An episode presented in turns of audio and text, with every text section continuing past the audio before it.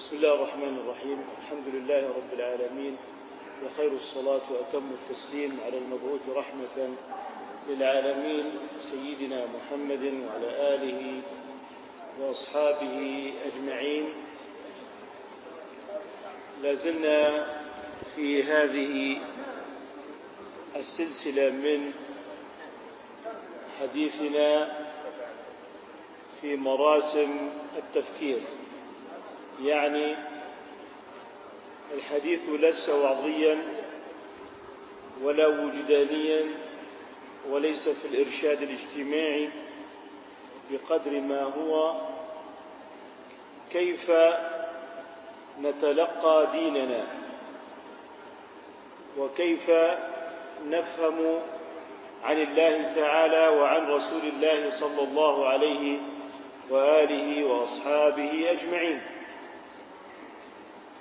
كان الجيل الأول من المسلمين من صحابة رسول الله صلى الله عليه وسلم أكثر الناس اتباعا واقتداء برسول الله صلى الله عليه وسلم وكان هذا فرعا عن إيمانهم بان هذا القول هو الحق.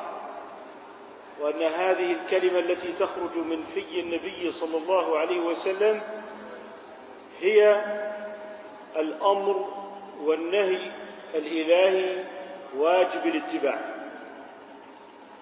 فكانوا لا يقدمون بين يدي الله ورسوله ولا يقدمون رغباتهم الخاصة إنما كان همهم وجهدهم كيف يفهمون مراد الله سبحانه وتعالى على وجهه؟ ثم ينزلون مراد الله تعالى على الواقع الذي يعيشونه.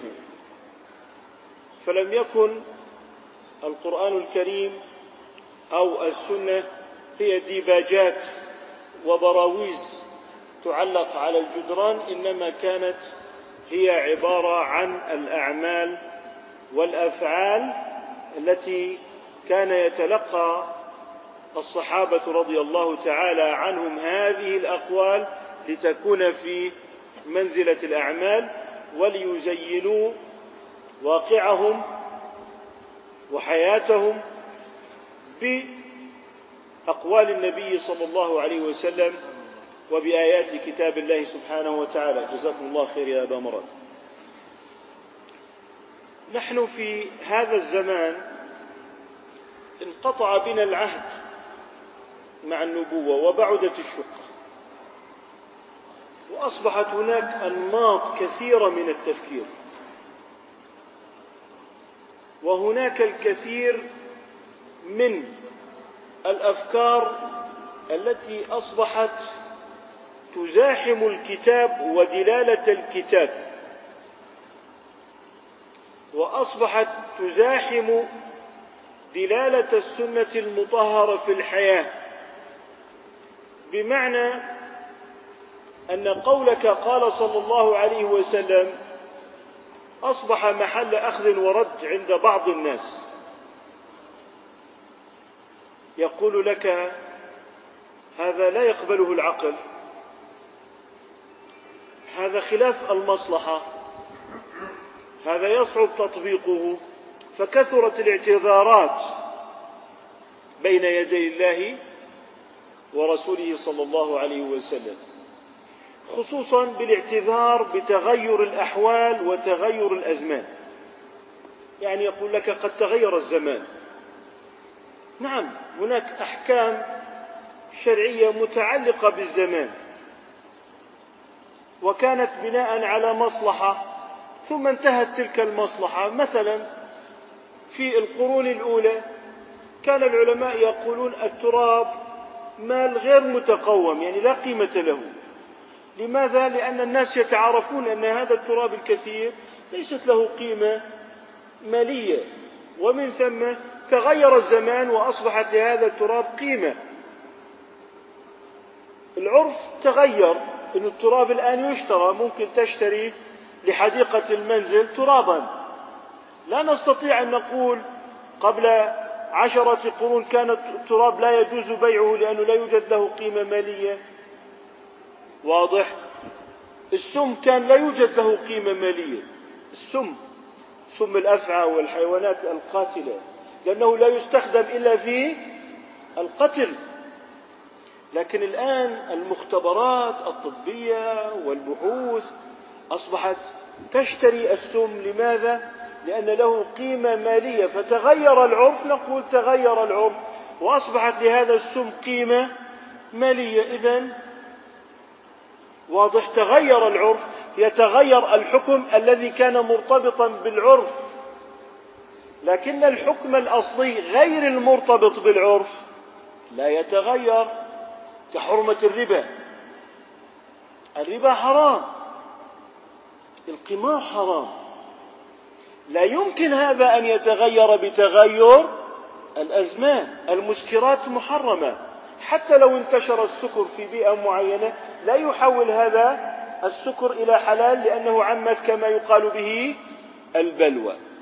إذا نميز بين أنواع من الأحكام. حتى في العهد القريب الذي نعيش فيه يعني في فترة قريبة كانوا يعدون عمليات ربط المعدة. كانوا يعدونها من عمليات الكماليات والزينة. يعني الذي يذهب ليقوم بعملية ربط المعدة من أجل تخفيف السمنة أو من أجل يعني تقليل الوزن كانوا يعدون هذا من الكماليات. وبناء عليه لا يجوز قطع العضو الإنساني وإتلاف هذا العضو لقضايا الزينة. لكن لما ثبت بالتطور الطبي أن السمنة عبء على القلب والرئتين وسبب لأمراض الشرايين وتصلب الشرايين وثبت أن عملية ربط المعدة أصبحت تقتضيها الحاجة الطبية وأن هذا علاج من مرض لأنهم أصبحوا يعدون السمنة في حالة ما هي مرضا. هي مرض. أصبحوا يعدونها إيه؟ مرضا. بناء عليه الحكم يتغير. طالما لعلاج مرض خلاص انتهى. أصبحنا أمام حالة ضرورة مثل أي عملية زائدة أو أي عملية جراحية أخرى يترتب عليها قطع عضو. لماذا؟ لأنه هذا من أجل مرض مثل إنسان لو لا قدر الله ابتلي في عضو من أعضائه وأصاب هذا العضو فساد قال الأطباء لابد من القطع فيصبح القطع واجبا لحماية بقيات الجسد. إذا هناك أحكام متغيرة لكن هناك أحكام نسميها أحكاما أصلية. أحكاما إيه؟ أصلية. هذه الأحكام لا تتغير بتغير الزمان والمكان وبالتالي قضية لا ينكر تغير الأحكام بتغير الأزمان ليست مطلقة بل هي في أحكام معينة ارتبطت بأوضاع معينة مصلحة معينة ارتبطت بعرف معين. تغير ذلك العرف يتغير ذلك الحكم بناء على تغير ذلك العرف. واضح؟ بناء على هذا إنه إحنا لا نستطيع أن نقول كل حكم نستطيع أن نقول لا هذا الحكم نحن في زمان مختلف. لا أستطيع أن أقول إذا فشت الرشوة في المجتمع أن أقول لقد تغير الزمان. لأن الشرع جاء لإصلاح الناس لإنقاذ الناس لا ليغرق هو معه. وبالتالي لابد من أن يكون أمر الشريعة واضحا أن هناك أحكام أحكام شرعية. هذه الأحكام ستبقى ثابتة لا تتغير وهذا يحفظ للشريعة ثباتها. يحفظ للشريعة ثباتها. وهناك متغيرات بتحفظ للشريعة تكيفها مع الوقائع. إذا هي ثابتة بشيء متغيرة في أشياء أخرى. واضح؟ الآن نحن نريد أن نتكلم في مسألة معينة. سنطرح هذه المسألة ونرى كيف يمكن أن يعني يفكر الناس فيها هذه الأيام ويختلف الناس فيها هذه الأيام وما هو الحق والصواب في هذا الأمر.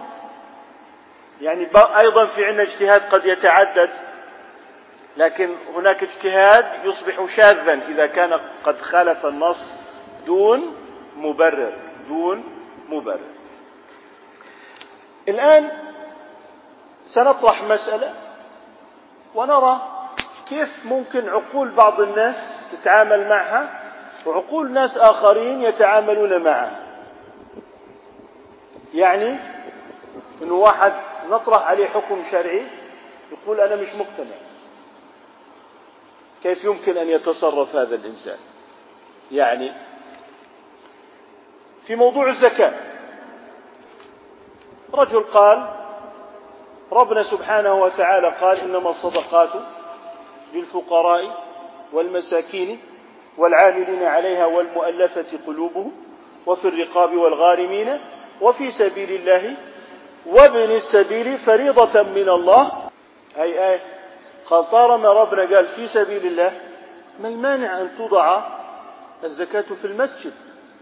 لبناء المساجد. لماذا لا توضع في بناء المستشفيات والجسور؟ أليست هذه في سبيل الله؟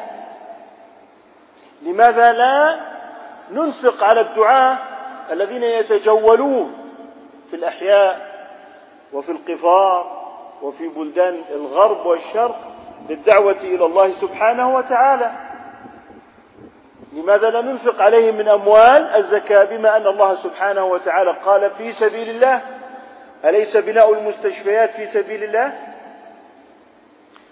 إيه، طيب ممكن أنا أقوم عندي جمعية أقول للناس أعطوني زكاة أموالكم وبدلا من أن نعطيها للفقراء مثلا نقرض الطلاب الفقراء ولا نطالبهم بالسداد يعني على الوقت ونتسامح معهم في وقت السداد.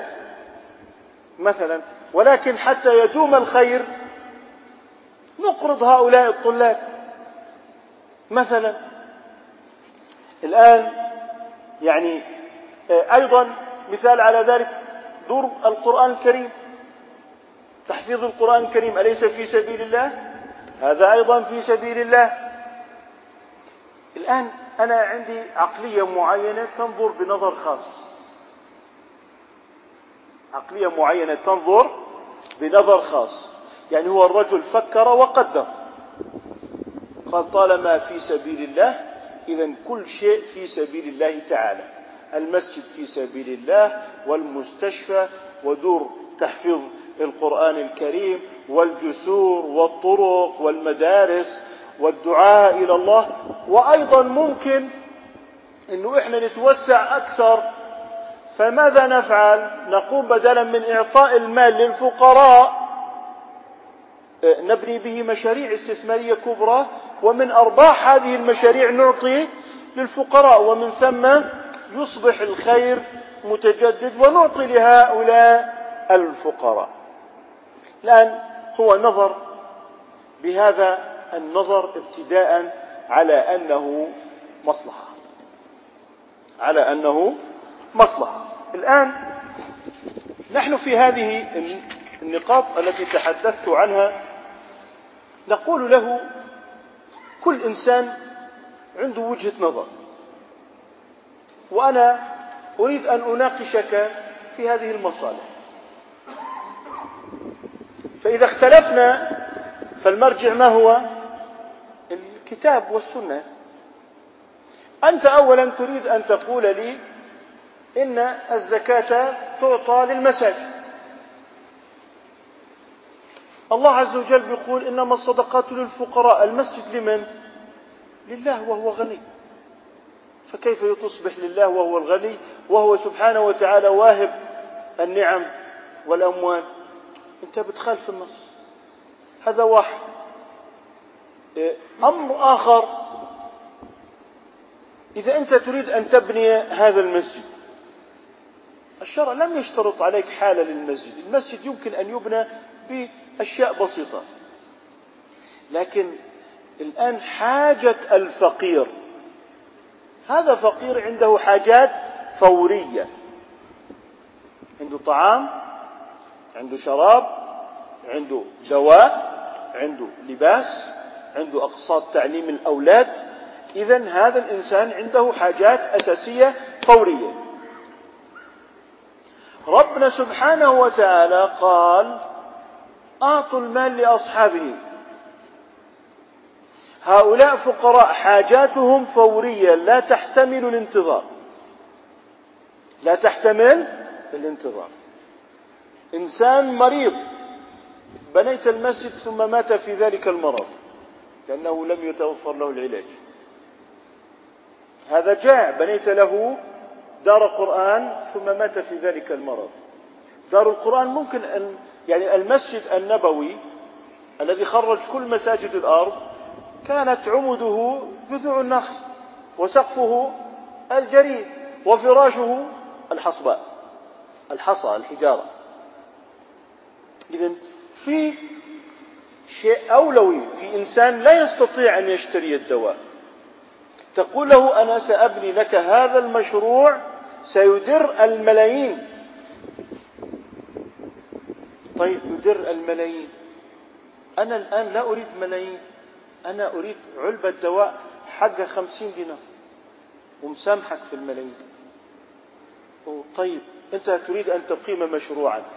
هذا المشروع في كبير مهندسين أليس كذلك؟ راتبه مبلغ وقدره وفيه محاسبين وفيه وفيه وفيه فيه موظفون كثر. طيب افترض أنك أنت بنيت المشروع وأنا قاعد أنفق من أموال الزكاة على المهندسين والمقاولين الأغنياء والى آخره ثم تبين أن المشروع فاشل اقتصاديا. في اقتصادي في العالم. يقول لك عندي مشروع ناجح مئة في المئة. الاقتصاديون يقولون لك لا. إلا أنه يواجه احتمال الخسارة. طيب الخسارة على حساب مين؟ أنت يعني تغامر بأموال الآخرين. سبب مشكلة العالم الاقتصادية اليوم أن من يدير لا يملك. ومن يملك لا يدير. يعني شركة فيها مليارات. وهي أموال آلاف الناس. هؤلاء لا يديرون. يجوا على الجمعية العمومية في يوم يقولوا لهم هالميزانية وصوتوا. هذا إذا أجوا. وأكثر المستثمرين لا يعرفون أين تقع الشركات التي يستثمرون فيها. يعني لو قلت له أين يقع مجلس الإدارة وكذا ولا لا يعلم. هي عبارة عن أسواق مالية بينزل بيضارب على هالشاشة بيشتري وبيبيع. الآن الذي يدير لا يملك. يعني أنت تحت يدك, مليارات أموال الناس سبب المشكلة العالمية أن الإنسان عندما لا يملك المال يغامر. عندما لا يملك المال يغامر. لكن إذا كان هو المالك والخسارة عليه يتحسب لهذا المال ويعد خطواته خطوة خطوة. يعد الخطوات. إذا الآن لما الإنسان لا يملك فساد إدارة وكل الآن الحاكمية والشركات والقوانين فقط لضبط الإدارة بسبب انفصالها عن الملكية. يعني المدير يهمه أرباح سريعة وتأخير الخسائر إلى ما بعد أربع سنين للمدير القادم. فيأخذ المكافآت بالملايين آه، من شركات خاسرة. لأنه حقق أرباح سريعة. وهكذا. الآن استثمار أموال الزكاة الذي يستثمر لا يملك. يعني إذا ذهبت الأموال ذهبت على أصحابها. ليس هذا هو المال الذي يملكه. ليس ماله. طيب. إذا أنت تستثمر بأموال الفقراء دون إذنهم. دون إذنهم. فمن يملك لا حق له في الإدارة. ومن يدير لا يسأل في الخسارة. وقعنا في نفس الفخ ونفس المشكلة. طيب. نقول حتى يدوم الخير دعونا نقرض. دعونا إيه؟ نقرض أموال الزكاة. حققنا مثلا مئتي ألف دينار لصندوق معين لدعم الطلاب. فالطالب جاء نقول له أنت تريد آه، تدفع رسوم الجامعة نعم. سنقرضك. سايه؟ سنقرضك. طيب أنت ستقرضني. من مال من؟ أنت مقرض هذا مالك لا. طب هل هو مال المزكي خرج من يدي. طب هذا مال من؟ يعني أنت ستقرضني مالي. أنا فقير معدم. أخرج المسلمون الأغنياء زكاة أموالهم. الآن قالوا لك أنت يا صاحب الجمعية أنت وكيل عن المزكي في إيصال هذا المال لصاحبه وهو إيه؟ الفقير. فإذا أصبح هذا الفقير يقترض ماله وأنت لا تملكه ولم يعد ملكا للمزكي لأنه خرج عن ملكه. إذا أصبحنا أمام سائبة. السائبة العرب كانوا بعض الحيوانات يعني بعدما تأتي ببطون عديدة يسيبونها لا يملكها أحد. فقال الله عز وجل ما جعل الله من بحيرة ولا سائبة ولا وصيلة ولا حام. إذا هذا نحن أصبحنا في لبس. أنت تريد أن تقرض هؤلاء الناس من أموالهم. إذا نحن جئنا إلى عدة إشكالات. دور القرآن الكريم بدها تكون مملوكة لصاحب العقار وصاحب العقار غني وأنت تدفع من أموال الفقراء لصاحب العقار. والأستاذ غالبا يكون قادرا. والطلاب أبناء الأغنياء يسارعون أيضا إلى حفظ القرآن الكريم. أيضا القضية نحن نعاني من إشكالات. إذا ما قدمته لي على أنه العقل إذا ناقشته بمعيار العقل عقل آخر أجد أن هذا الكلام الذي تقدمه غير صحيح. أن فيه لبس. أنني وجدت إشكالات فيما قلته. فكيف تريدني أن أذهب إلى عقلك؟ إذا أنت لا تقدم لي العقل القطعي. أنت تقدم لي تفكيرا خاصا. أنت تقدم وجهة نظر. والدين ليس وجهة نظر. الدين حكم شرعي يجب اتباعه. أريد أن تقول لي هذا حكم شرعي واجب الاتباع. أنت عندما ناقشتني في هذا كنت تفكر في محض الرأي. في محض الرأي. وعندما ناقشته من الجوانب الفقهية وجدت أنك تعطي الزكاة للأغنياء وكيف يعني تضع الزكاة في المسجد؟ والله أغنى الأغنياء وهو أه وأن المساجد لله فلا تدعوا مع الله أحدا. ومن باب الطرفة الفقهية الطرفة الفقهية قيل إن الرشيد طلق زوجته زبيدة وقال لها إذا بت في ملكي فأنت طالق. ملك الرشيد من الصين إلى الأندلس. من الذي سيخرج قبل الليل من هذا الملك؟ لا أحد لا طائرة مكوك فضائي يلا يلا يلحق فجمع الفقهاء جمع الفقهاء. فلما جمعهم فقال قوم يبدأ الليل من كذا وقال قوم النهار ينتهي بكذا ولا بد أن تخرج من البيت وهو إلى آخره. حتى جاء الكلام لمن؟ لأبي يوسف. فقالوا له تكلم يا أبا يوسف هو تلميذ أبي حنيفة.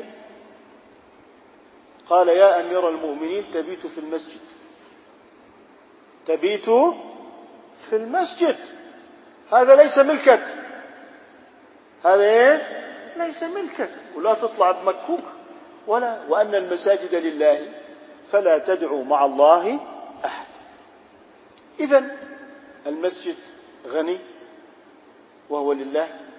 دور القرآن فيها الحمد لله خير كثير وفيها الأغنياء من المدرسين والإدارة.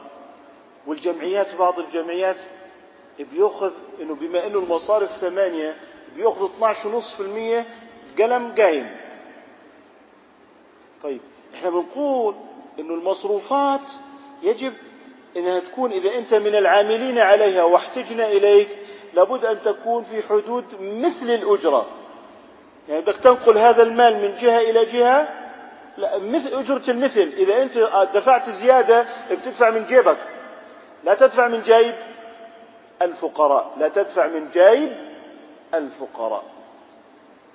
لذلك لا يجوز لأحد أن يعني يتمصرف ويتبغدد في أموال الفقراء. ممكن أنت غدا يأتيك ضيف تعمل له فنجان قهوة في الجمعية من مال الفقراء والجمعيات بعض الجمعيات فيها نشاط ثقافي يعني فيها صلاة بلياردو. إذا أنت أخذت 12.5% من الباب للطاقة وهذا أنا يعني رأيته. أنا رأيته. هذا واقع. طبعا هم ليسوا من باب الإفساد وكذا. هكذا يعتقدون. هكذا يعتقدون. انه هذا صواب. وبعضهم لما نبه فوجئ. فوجئ أنا قال لك أنا لا خلاص رجعنا. وهذا دليل على إنه في حسن نية لكن أحيانا ممكن يحدث الخطأ بسبب لبس عند الإنسان. اذا آه، نحن نريد عقل يحرس أموال الفقراء لا يبدد أموال الفقراء. لأنه في الأصل يا إخوة ليس كل كل الأغنياء يخرجون زكاة أموالهم.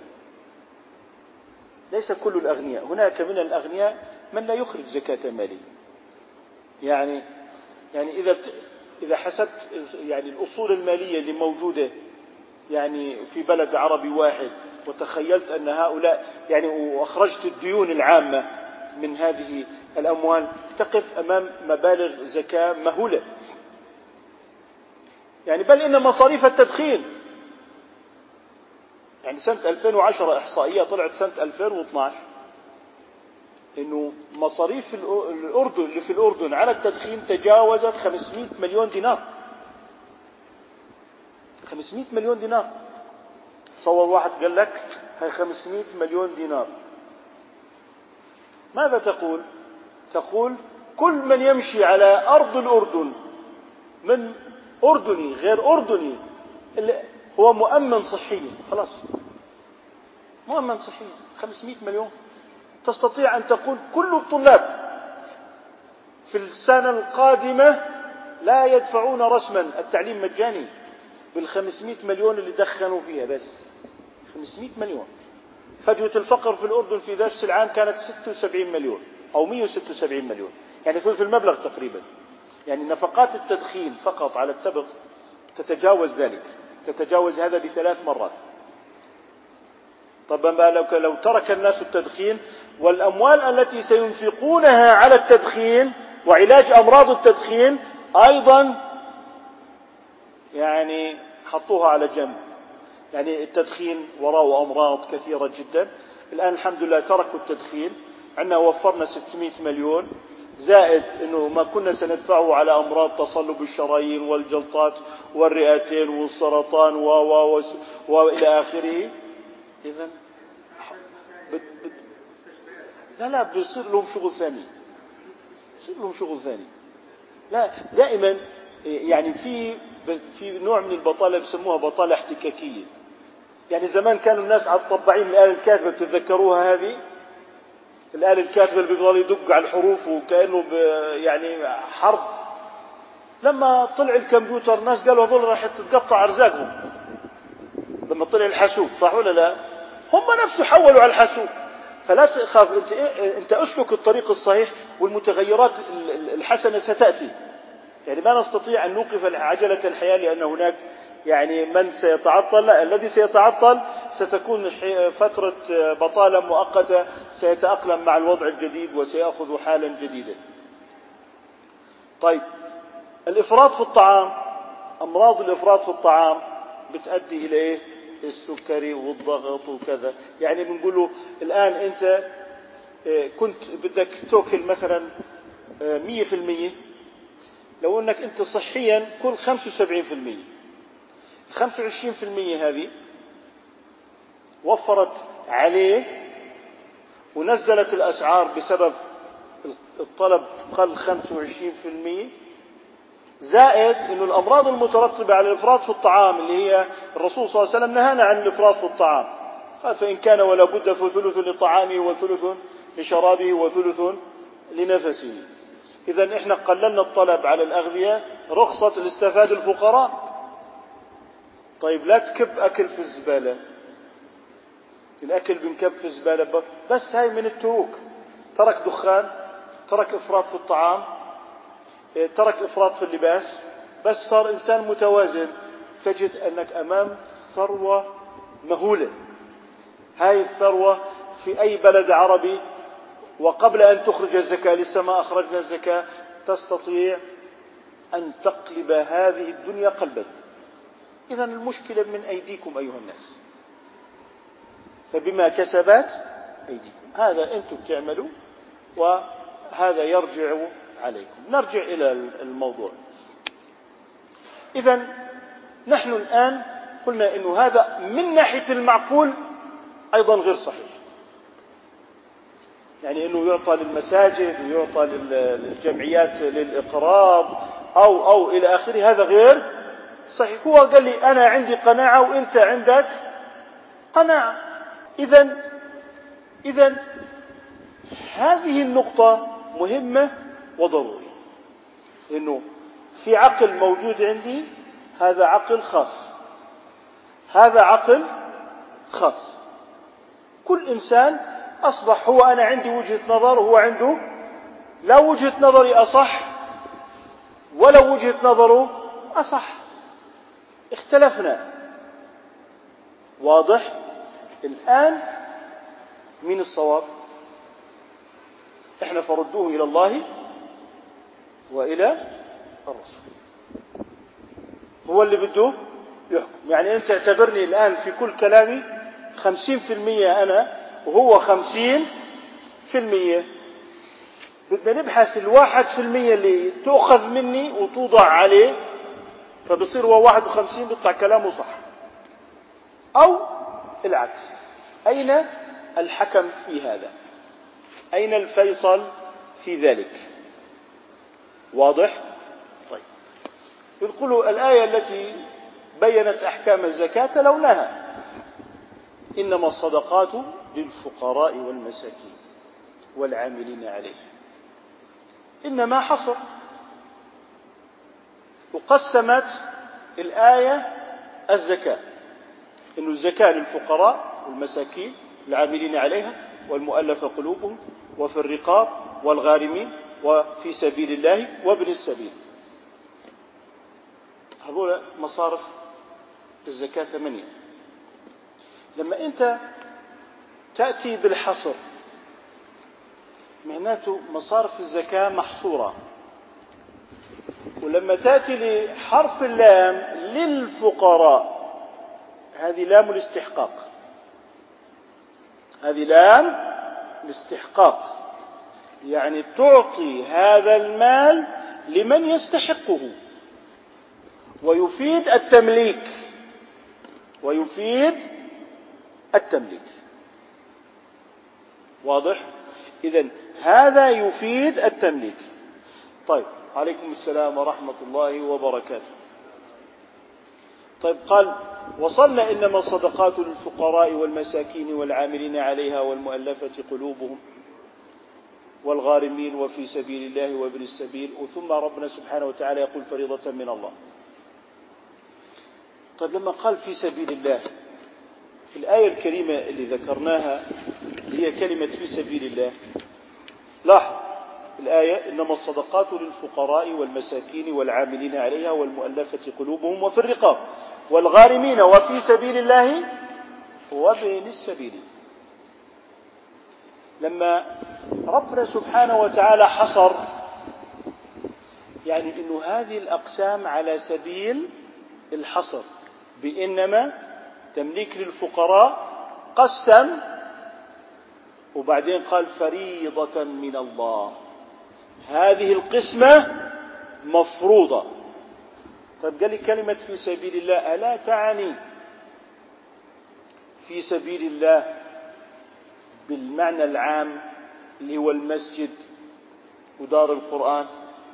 نقول له قبل أن نقدم على النص الشرعي يجب أن نعتقد أن هذا النص فصيح وبليغ. فإذا قسم ثم قال وفي سبيل الله وابن السبيل إذا في سبيل الله يجب أن تأخذ معنى خاصا. لأن هذا كله هذا في سبيل الله. في سبيل الله. للفقراء في سبيل الله. والمساكين في سبيل الله. لكن لما قال لك هنا وفي سبيل الله لابد أن تعطيها معنى خاصا.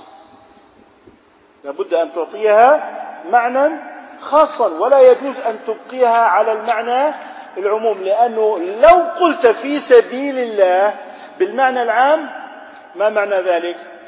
إنه للفقراء والمساكين هذا كله حشو ما بيلزمش. اذا نقول التقسيم مؤذن بالتفصيل. مؤذن بإيه؟ بالتفصيل. هذا تقسيم يقتضي أن كلمة في سبيل الله تحمل معنى خاصا. تحمل إيه؟ معنى خاصا. لأنك إذا جعلتها بالمعنى العام فمعنى ذلك أنك أضعت التقسيم هذا كله وأصبح للفقراء والمساكين عبارة عن لغو وكتاب الله منزه عن اللغو والحش اذا هناك عقيدة قبل أن نقدم على النص. قبل أن تبحث في أي نص شرعي أنك تدخل وأنت تعتقد أن هذا النص مليء بالحكمة مليء بالعلم وهو منزه عن الحشو يعني الكلام غير المفيد كلام لا يلزم. إذا قلت في سبيل الله بمعنى كل ما هو في سبيل الله كالمستشفيات والطرق والجسور والمساجد أنت تفرض الحشو على كتاب الله وجعلت ذكر هذه الأصناف. والحرف الحصر إنما والتقسيم جعلته حشوا لا قيمة له. لذلك اتفقت المذاهب الأربعة المجمع عليها والمتبوعة عند المسلمين أن في سبيل الله بالمعنى الخاص وهو القتال في سبيل الله والجهاد. وبعضهم أجاز في الحج لأن الرسول سماه في سبيل الله بمعنى خاص. هذا أكثر ما يمكن. فاتفقوا الأئمة الأربعة ومن سبقهم من كثير من جماهير الصحابة والتابعين أن في سبيل الله هي بالمعنى الخاص وهي الجهاد وما يلزم المجاهد في سبيل الله. فقط. وذلك تنزيها لكتاب الله سبحانه وتعالى عن الحشو. وهناك قاعدة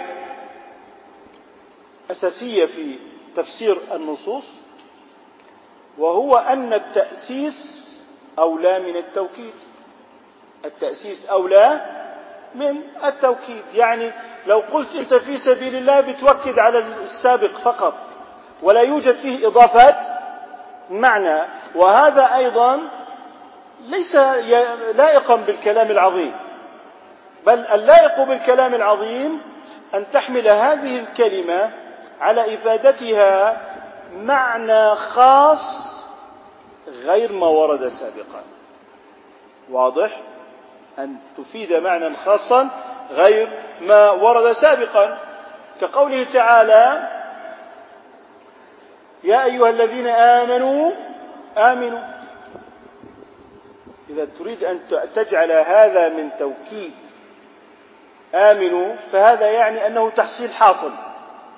لما قال لك يا أيها الذين آمنوا آمنوا.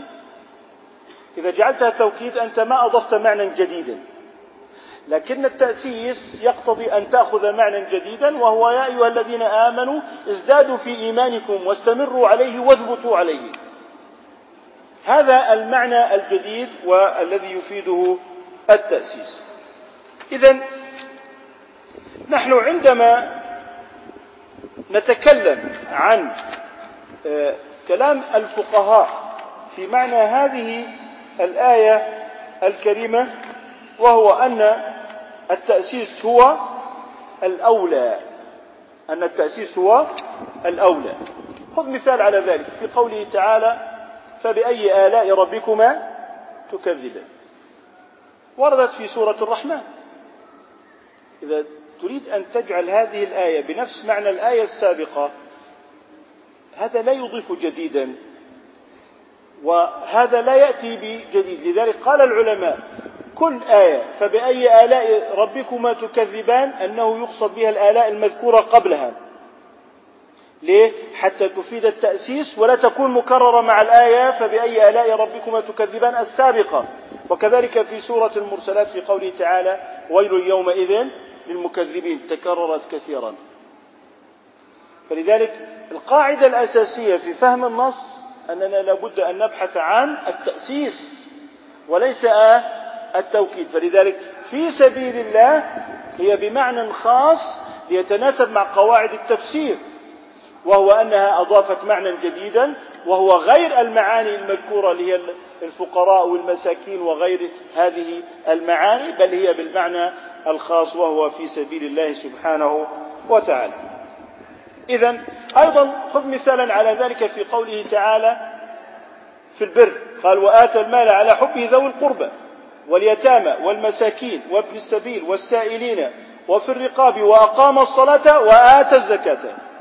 قال وآتى المال على حبه وأيضا قال إيه؟ وآتى الزكاة. فالعلماء حملوا هذه على الزكاة المفروضة حتى نفيد التأسيس حتى نفيد التأسيس وهو المعنى الجديد. وهذا منهج في تفسير النصوص الشرعية.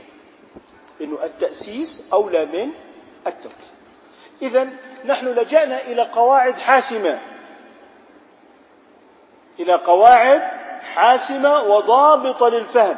ولا يجوز أن يبقى هذا الخلاف مفتوحا بل يجب أن يطوى.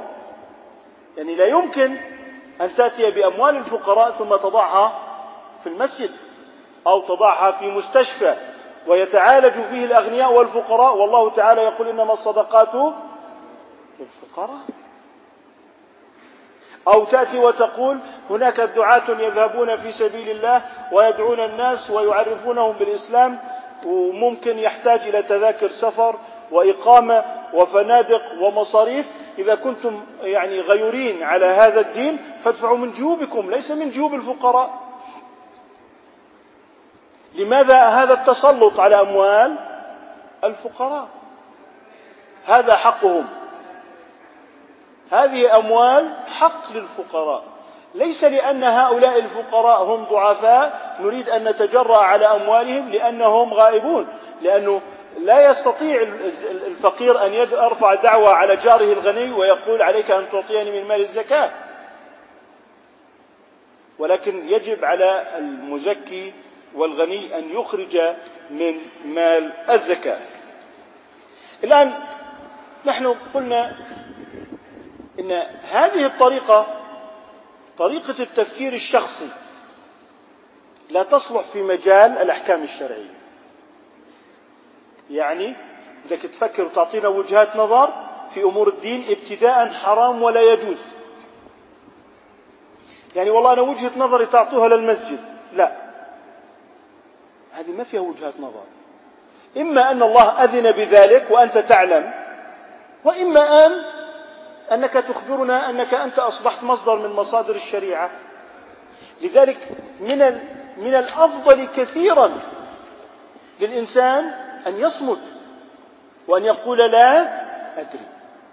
فلذلك ربما الحديث في البداية كان شيقا عندما قلت لكم أننا نستخدم الزكاة في بناء المشاريع وفي بناء المصانع وبعد ذلك سيقوم الفقراء بتم يعني بأخذ الأرباح من هذه المصانع والمتاجر. الكلام جميل لكن من حيث الواقع غير صحيح. لكنه كخطبة جميلة وتحظى على رأي جميل من الجمهور. إنه إحنا سنجعل لو أننا أحسننا الزكاة ونقوم بالمشاريع والمصانع وإلى آخره لكن الفقراء لا يملكون. الذي يملكها جهات خيرية. والجهات الخيرية إحنا نعلم إنه ممكن في بعض البلدان إنه الوقف الخيري إذا يعني صار في إشكالات في الإدارة ممكن يعود إلى ميزانية الدولة.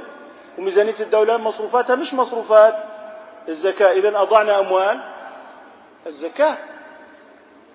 علينا أن ننتبه وخصوصا أن هذه الأموال هي أموال ضعفاء. هذا مال الأرملة هذا مال اليتيم هذا مال المريض هذا مال الجائع. غالبا الفقير المحتاج والمضطر غير قادر على غير قادر على أن يتعامل مع الواقع. ممكن حتى يحتاج إلى إنسان يوديه على المستشفى.